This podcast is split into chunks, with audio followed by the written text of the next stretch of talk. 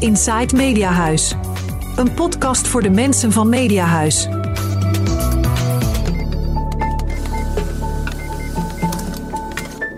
Welkom bij Inside Mediahuis, de podcast voor alle Mediahuis-collega's.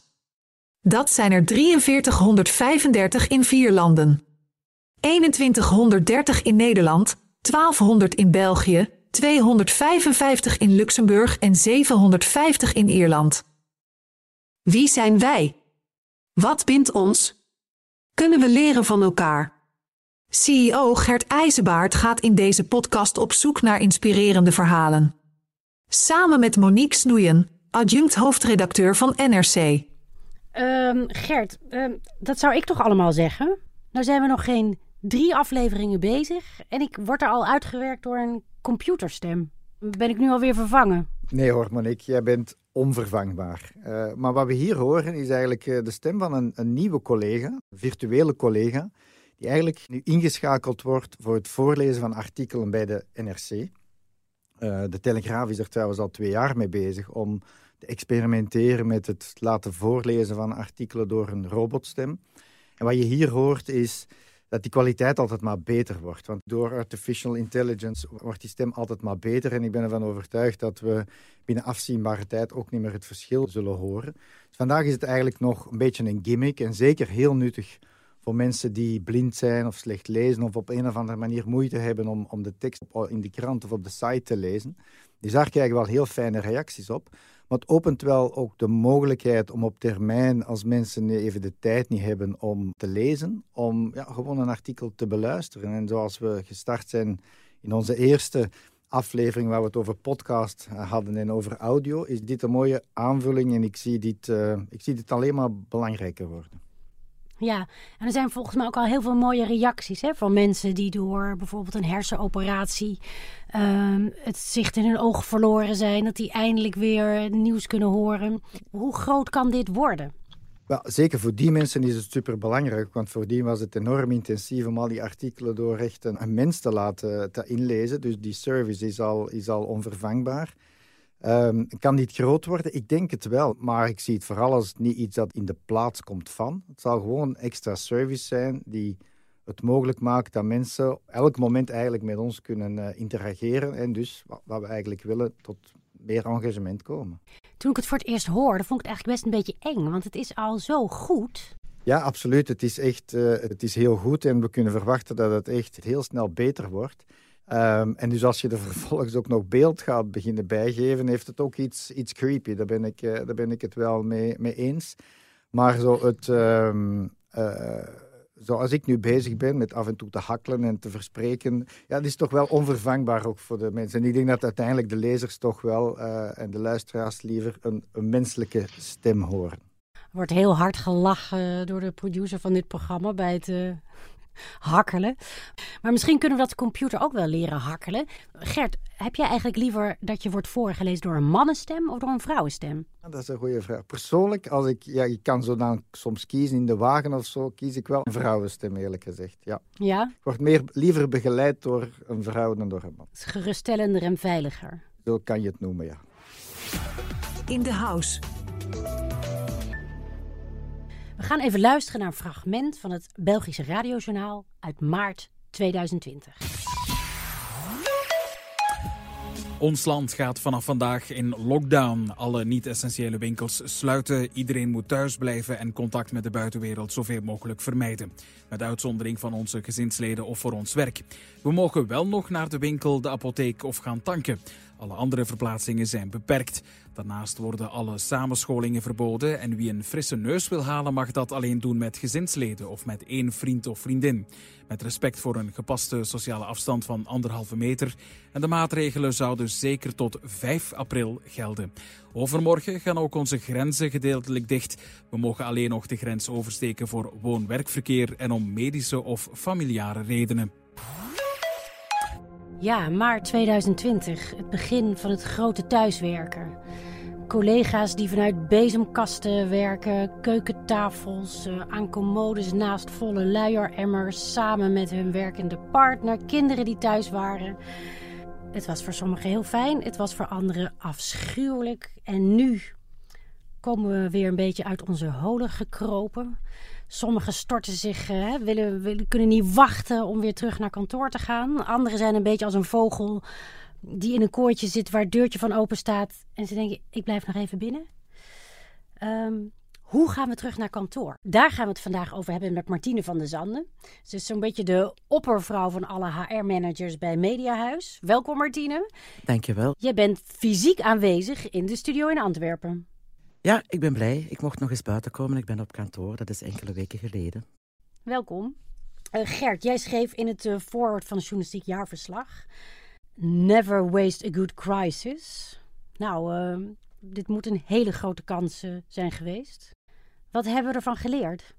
Ja, maar het was, het was echt een jaar met twee gezichten, denk ik. Hè. Want als ik het, uh, dat fragment terug hoor, dan, ja, dan word ik een beetje koud. Want heel ons uh, sociaal leven ging op slot, letterlijk. Uh, we moesten thuis blijven, mochten de grens niet meer, niet meer over. Maar tegelijkertijd bleven we natuurlijk wel met elkaar in verbinding. Want we zeuren wel een keer op de technologie en of het niet goed werkt. Maar de technologie heeft ons wel gigantisch geholpen om met elkaar in verbinding te blijven. En wat we vaststelden is dat we eigenlijk alles wat we voordien konden doen, of toch bijna alles, dat het gewoon kon, kon verder gaan. Mm. Ja, en bijna van de ene op de andere dag. Inderdaad. En, en, we maakten kranten van op afstand, we maakten onze websites, dat ging allemaal. Um, en waar we eerst vreesden, en ik herinner me uiteraard nog heel goed de eerste weken, waar we vreesden dat het een, een, jaar van stilstand en zelfs een jaar van enorme achteruitgang zou worden, ja, is het professioneel een jaar geweest van enorme vooruitgang. Want je ziet natuurlijk zo'n nieuwsbedrijf staat meteen op scherp als er zoiets uh, gebeurt, want daar leven we ook, uh, ook van. Uh, het heeft zich vertaald in, in, in meer abonnees, meer lezers zijn gekomen. We zijn heel efficiënt gaan werken en daardoor hebben we goede resultaten gehaald. Is, is thuiswerken goedkoper? Um, het, is, het bleek vooral dat mensen heel efficiënt zijn gaan, gaan werken. Uiteraard waren er geen kosten van verplaatsingen enzovoort, maar je, je klapt je computer uh, open om, om 9 uur en om 6 of 7 uur s'avonds klap je hem weer dicht en je bent van de ene vergadering naar de andere uh, gegaan. En het bleek gewoon super, super efficiënt. Mm -hmm. En dus we hebben eigenlijk, denk ik, meer gedaan dan dat we anders hadden gedaan. En we hebben op één jaar tijd uh, een weg afgelegd waar we misschien anders drie jaar hadden over gedaan. En zeker als het gaat over hoe dat je dan digitaal werkt en hoe dat je als digitaal bedrijf werkt. Mm -hmm. Mm -hmm. Wat we natuurlijk enorm gemist hebben, en daarom moeten we echt blij zijn dat die wereld nu terug open gaat. Het, is die, het zijn die sociale contacten echt, hè, die je toch niet echt uh, via het scherm kan, kan hebben. En mensen snakken er enorm naar. En het is goed dat dat terug mogelijk uh, wordt. Um, en de vraag is nu, hoe gaat het nu verder? En daar gaan we het dadelijk met Martine over hebben. Maar als ik kijk naar de business zelf, dan verwacht ik eigenlijk een beetje de tweede jaarhelft, een klein beetje de spiegel, het spiegelbeeld van wat we uh, tot dusver gezien hebben. Namelijk dat uh, ja, nieuwe abonnementen werven zal moeilijker worden. Dat voelen we nu al. Uh, want mensen willen ook niet meer heel de dag achter zo'n scherm zitten. Willen best ook wel eens iets anders gaan doen. Dus je ziet nu al een vertraging. Anderzijds zullen we wel, wat we enorm geleden hebben in de advertentiemarkt, verwacht ik net dat de advertentiemarkt zal mm-hmm. aantrekken. Maar de grote vraag zal inderdaad zijn, ja, hoe gaan we ons nu organiseren? Hoe zorgen we nu dat wat we geleerd hebben en uh, de fijne dingen, van dat je toch eigenlijk vanuit thuis uit veel kan doen, dat je efficiënte dingen van achter, uh, van achter je scherm kan doen, hoe gaan we dat nu blijven doen en combineren we dat met uh, ja, terug naar het werk en die sociale interactie, die creativiteit wat dat, en die energie die dat uh, met, zich, met zich meebrengt. En dat is, dat is denk ik de, de vraag uh, die we nu moeten beantwoorden en waar we naar op zoek moeten gaan. Waarom is het zo heerlijk om thuis te werken? Omdat er geen collega's naast je zitten te bellen? Omdat er geen collega's naast je bosse wortels zitten weg te knagen? Omdat het er niet stinkt naar rijstwafels? Maar bovenal omdat je je thuis veel beter kunt concentreren op je werk. We horen Japke de Bauma, de, de koningin van de kantoorjungle, de chroniqueur van het systeemplafond. Uh, ze schrijft er columns over in NRC en ook boeken. En haar laatste boek heet Hoe vind je zelf dat het gaat? Martine, hoe gaat het met ons? Hoe komen we als organisatie uh, uit deze lockdown? Wat is er gebeurd met ons? Ja, ik denk dat we moeten beginnen met te zeggen dat het het laatste anderhalf jaar een, een, proces is geweest voor iedereen. En wat mij echt is opgevallen, het is een bijzonder individueel proces. elk individu heeft dit op een andere manier beleefd. Hè. Ik denk dat de meerderheid in het begin, de eerste weken van de lockdown, een gevoel hadden van onwezenlijkheid. Ik mag niet meer naar mijn werk komen. De meeste mensen vonden dat bijzonder lastig. Hè. Werden plots geconfronteerd met uh, een thuissituatie die niet optimaal was om te werken. Geen bureau hebbend, kinderen, grote kinderen, kleine kinderen, mensen met zorgen thuis.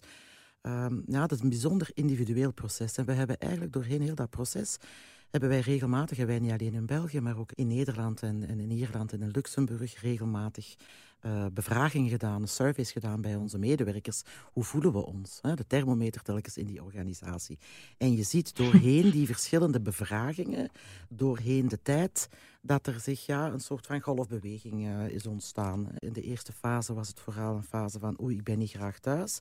Tegen de zomer vorig jaar was het van hmm, we hebben ons een draai precies gevonden. We hebben a way of living and working gevonden thuis, in de thuissituatie, waarin dat de, de voordelen van het thuiswerk meer naar boven gekomen zijn. Dan hebben we in september, oktober, waren er terug wat versoepelingen. Had jij, hm, we komen terug, we hadden ook zin om terug te komen. En toen kwam de volgende wave. En vanaf toen is het eigenlijk een stukje meer terug downhill gegaan. Er zijn nog meer mensen echt zich nog dieper gaan verankeren in dat thuiswerk en zich daarin gaan, gaan nestelen en, en beter ook voelen. Uh, wanneer we nu kijken, onze laatste enquête sinds mei, uh, voelen we ons terug veel beter. Uh, het weer is goed, de zon schijnt. Mm -hmm. Mensen hebben terug ook zin om, om op kantoor te komen werken. 80% van onze medewerkers wil graag terugkomen werken. Topnieuws. Zoals je in het begin aangaf, dat vogeltje in dat kooitje, het deurtje staat open, maar ik blijf toch nog even, even binnen zitten. Ja, dat zien we ook. Maar wat wel met zekerheid is, ondanks het individuele proces, is dat al onze medewerkers de vraag hebben: laat ons alsjeblieft gaan naar een mix van thuis. Ja, daar komen we zo op. Nog even, jij zegt hè, het is een individueel proces, maar je ziet ook nou ja, algemene bewegingen. Is het ook niet zo, misschien is het projectie hoor, maar zijn mensen ook niet gewoon heel moe? Mensen zijn het moe. Hè? Het moe is de situatie en moe is toch ook als je gaat kijken naar je eigen productiviteit, en dat is, dat is ook een van de dingen die we, die we horen, hè, thuiswerken, grens met uh, privé en werk vervaagd, je kan makkelijker s'avonds nog eens de draad oppikken. Uh, dat is één vloeiende beweging. De productiviteit van heel veel mensen is ook gestegen. Of althans de perceptie rond die productiviteit. Ja. Hè.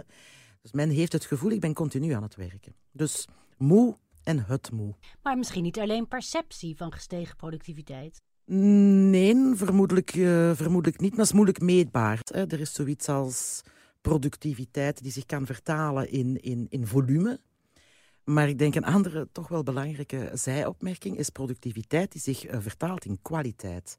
En dat is toch wel, als we naar onze redacties kijken, en dat zien we in alle landen, en dat was ook echt de, ja, de grootste bezorgdheid van al, onze, van al onze titels, van al onze hoofdredacteurs. Verdorie, dat afstandswerken, dat is bijzonder moeilijk, want wij zitten in een creatief vak. Wij proberen nieuws te maken. En dat nieuws te maken en dat nieuws te brengen, dat heeft nood aan het bouncing of ideas, het kunnen een, een creatief proces opzetten, het, het, journalistieke scherp houden. Hè?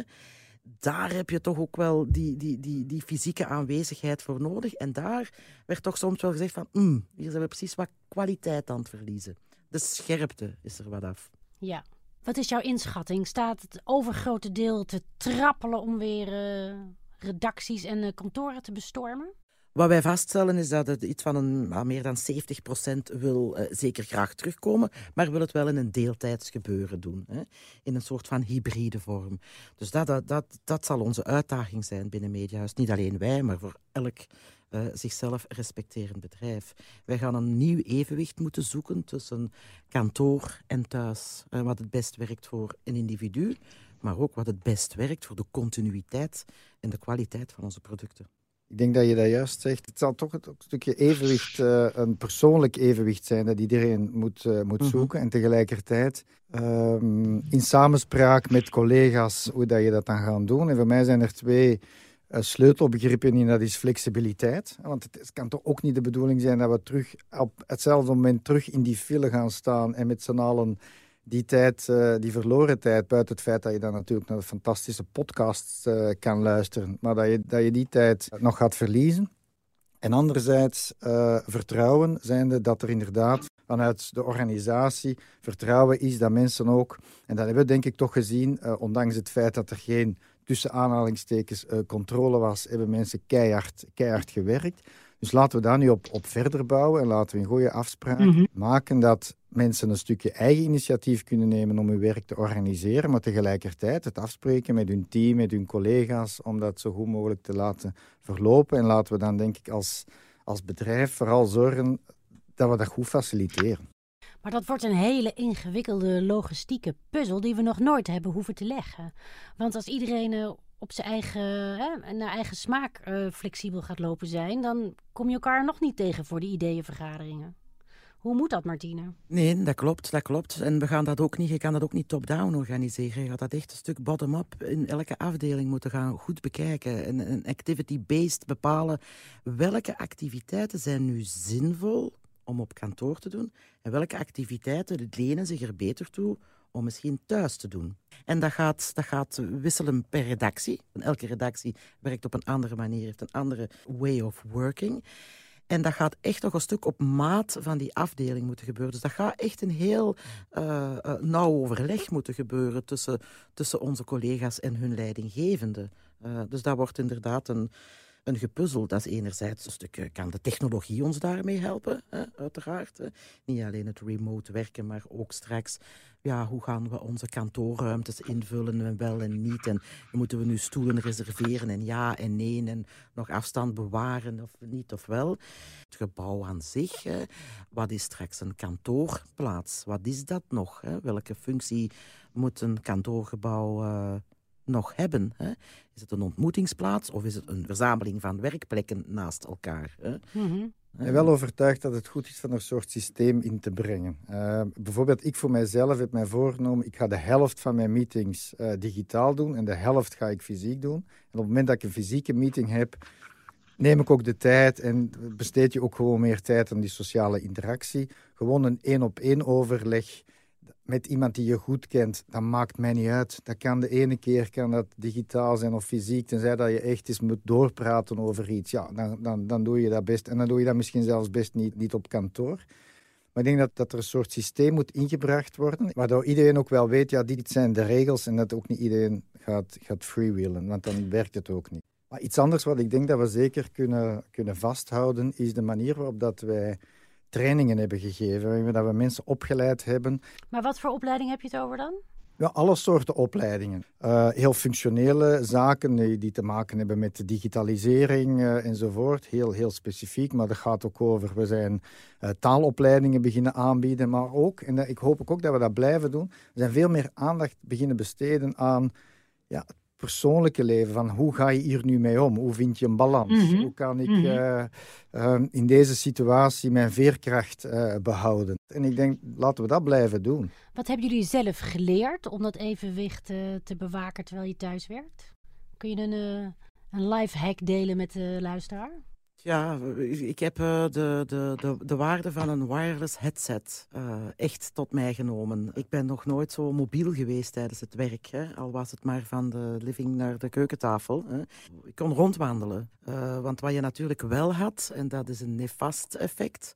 Vroeger liep ik van vergadering naar vergadering. En had je nog hè, tussen, tussen de twee meetings door het lopen van mm -hmm. en naar. Dat was nu weg. Ja. Dat was gewoon één ja. klik verwijderd. Hè. Klik eruit en klik erin.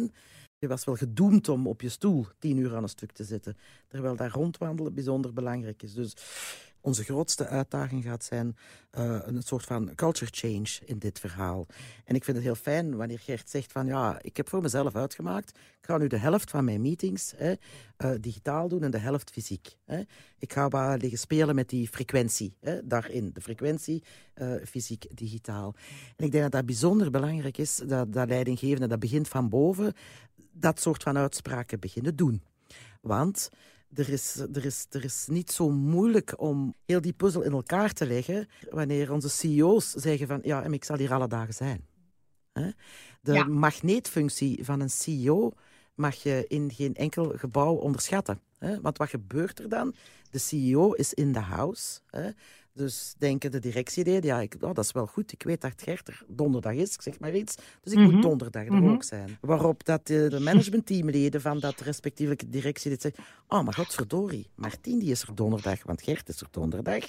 Ik ga ook donderdag. Hè? Dan ben ik... Ja. En zo ontstaat er een Ja. ongewild magneeteffect. Dus ik vind dat heel belangrijk dat wij, op, eh, dat wij als leidinggevende zelf die, die boodschap zeggen, mannen, we gaan dat hier mixed doen. Waarom is het zo heerlijk op kantoor? Omdat er airconditioning is?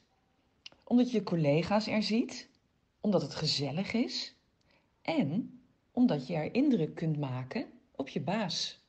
Indruk maken op de baas. Misschien wil de baas even indruk maken op de medewerkers en een gouden tip geven voor thuiswerken. Ja, mijn tip is blijf, blijf in beweging. Ik ben heel vaak eh, de tijd die ik had, eh, s ochtends gestart met eh, te gaan hardlopen. Dat ik voordien al, maar daar ben ik veel meer aan doen. Maar ook gewoon tussen enkele verraderingen door.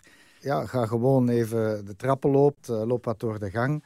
Al mijn telefoongesprekken doe ik wandelend. En dan zie je dat je, ondanks het feit dat je heel de dag achter een scherm werkt, dat je op het einde van de dag op je stappenteller toch aan je 10.000 stappen komt. En ik heb ook gehoord van collega's die, die kleden zich heel mooi aan. Want voor je het weet zit je natuurlijk eh, twee dagen in pyjama. Maar die gaan zich juist, eh, doen er juist een schepje bovenop om in de goede moed te komen. Ik heb ook collega's gezien die het omgekeerde deden, in alle eerlijkheid. Ik hoorde laatst een eh, CEO naar een of andere TED-talk zeggen... we moeten het eigenlijk niet hebben over op afstand werken. Want dat klinkt alsof je er niet bij betrokken bent. Is het een goed idee om dat anders te benoemen? Ja, ik vind dat wel een fijn idee, inderdaad. Want afstand is eigenlijk een bijzonder relatief begrip geworden. Ja, ik heb fysiek op afstand gewerkt van mijn collega's. Maar ja, ik heb ook nog nooit zo kort gestaan bij mijn, bij mijn collega's. Hè. Met mijn team heb ik elke week één uurtje op de koffie. Er mag niet over het werk gepraat worden, maar enkel hè, over de familie en de kinderen en de hond en de katten. Het doet, dat doet er niet toe. Ik heb, ik, ik heb het laatste jaar ik mijn collega's nog nooit zo goed leren kennen. Dus ik voel mij bijzonder kort bij hen, ook al was ik fysiek op afstand. Dus ik denk dat die verbondenheid weinig met eh, fysieke afstand te maken heeft. Ik denk dat de uitdaging erin zit om die mentale verbondenheid en die mentale afstand onbestaand te maken. En dat kan. Het mooiste is om thuiswerken te combineren met kantoor. Maar ik vrees dat dat amper zal gebeuren. Ik ben bang dat als we straks allemaal gevaccineerd zijn, iedereen weer zal terughollen naar kantoor om daar minstens vier dagen per week te zitten. Omdat kantoor toch de arena is waar het allemaal gebeurt, omdat kantoor status heeft, omdat je baas er zit. Zeker, we worden allemaal gek van kantoor, maar we kunnen er ook niet zonder. We zijn verslaafd aan de kantoortuin. Maar gelukkig zit jij daar niet iedere dag, hè Gert? Eh, toch niet op hetzelfde kantoor. Nu ehm, heb ik het wel gemist om te reizen. Dus ik denk dat ik eh, eerlijk gezegd de volgende maanden weinig thuis zal zijn. Maar ik wil mijn andere collega's toch aanmoedigen om er verstandig mee om te gaan. Ja, en ik kan moeilijk geloven dat al hetgene wat we geleerd hebben het anderhalve jaar, dat we dat zomaar overboord gaan smijten. Eh, ik denk dat dat onze eigen verantwoordelijkheid zal zijn eh, om daar op een evenwichtige manier ja, een, nieuwe, een nieuwe weg in te vinden. Ja, ik ga echt wel thuiswerken. On the house. Hij is misschien wel de bekendste, belangrijkste voetbaljournalist van Nederland. Dus in deze EK-tijd heeft hij het razend druk. Wat ontzettend fijn dat hij toch de tijd heeft genomen om een tip te geven. Want we zijn alweer beland bij het laatste onderwerp van Inside Mediahuis. Het rondje lees, kijk en luistertips. Uh, en we gaan luisteren naar uh, wat we van uh, Valentijn Driessen moeten lezen. Normaal de beste vrienden en beste collega's bij het Mediahuis, Nederlanders en Belgen. Maar in deze tijd van het EK-voetbal even geen vrienden. Niet elkaars concurrenten, maar een beetje sportieve rivaliteit kan geen kwaad. Ik moet zeggen dat de Rode Duivels wel met heel veel zelfvertrouwen en een dikke Nederlandse nek door Europa toeren deze dagen. Ze sparen Kevin de Bruyne voor de volgende ronde. En de altijd nukkige René van der Eiken, topcolumnist bij het Nieuwsblad, loopt de Polonaise. En Lukaku verenigt ineens al het goede van Paul van Imst, Jan Keulemans en Bernard Voorhoof. Nee, dan gedragen de Oranje het leven zich toch wat bescheidener. Helaas kan Nederland onze Belgische vrienden pas in de finale een draai om hun oren geven. Zo'n scenario levert trouwens wel een maand lang extra inkomsten op voor het Mediahuis. En zo zit er wellicht voor onze collega's in België, Nederland en Ierland een mooie winstdeling aan te komen. Mijn tip: lees de Nederland-België-rubriek Hallo Holland, Hallo België op de sportpagina's in de Telegraaf en het Nieuwsblad van Bert Dijkstra en David van der Broek. Al dus Valentijn Driessen, chef voetbal bij de Telegraaf en ook host van de voetbalpodcast Kick-Off. Uh, Gert en Martine, hebben jullie een uh, fijn EK? Is dat eigenlijk, ik, ik, weet helemaal niks van voetbal. Is dat een vraag die je stelt? Heb je een fijn EK? Ja, de, de timing van het EK kon niet beter. Hè. We komen nu uit die, uh, uit die lockdown. Het is, het is mooi weer. Het is een zegen voor onze, voor onze media uiteraard. Ik vind de suggestie van Valentijn super. Stel je voor een finale België-Nederland. Ja, dan heeft Mediahuis sowieso gewonnen. Moet, media, moet Nederland nog even uitmaken of ze in 4-4-2 of uh, 5-3-2 zullen spelen. Want dat is blijkbaar het grote, het grote debat vandaag. Maar ja, wij hebben al gewonnen, denk ik. Martine, geniet jij?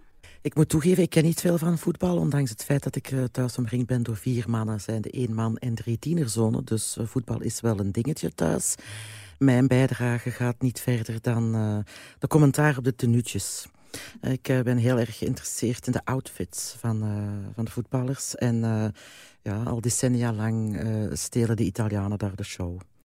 De tip van Valentijn Driessen vinden jullie terug in de show notes van deze uitzending. En die vind je op de Inside Media Huis pagina van Connect. En als je zelf een tip hebt, wat moeten we zeker luisteren, wat moeten we zeker zien, wat moeten we zeker lezen... Uh, stuur dan een mail naar insidemediahuis.mediahuis.be. Op dat adres kan je trouwens ook je feedback over deze aflevering kwijt. Nou, wel fijn Gert dat ik dat laatste nog even zelf mocht zeggen in plaats van de computer. Nee, dank je dat, dat je erbij was, uh, Monique. En ik kijk er enorm naar uit dat we ook eens een keer samen op het terras kunnen gaan zitten. Ja, goed idee. Dankjewel, Martien. Graag gedaan. Tot de volgende dag. Inside Mediahuis. Wil je iets delen? Heb je een vraag? Laat van je horen via Inside Mediahuis apenstaartje mediahuis.be. Ook lekker thuis blijven werken.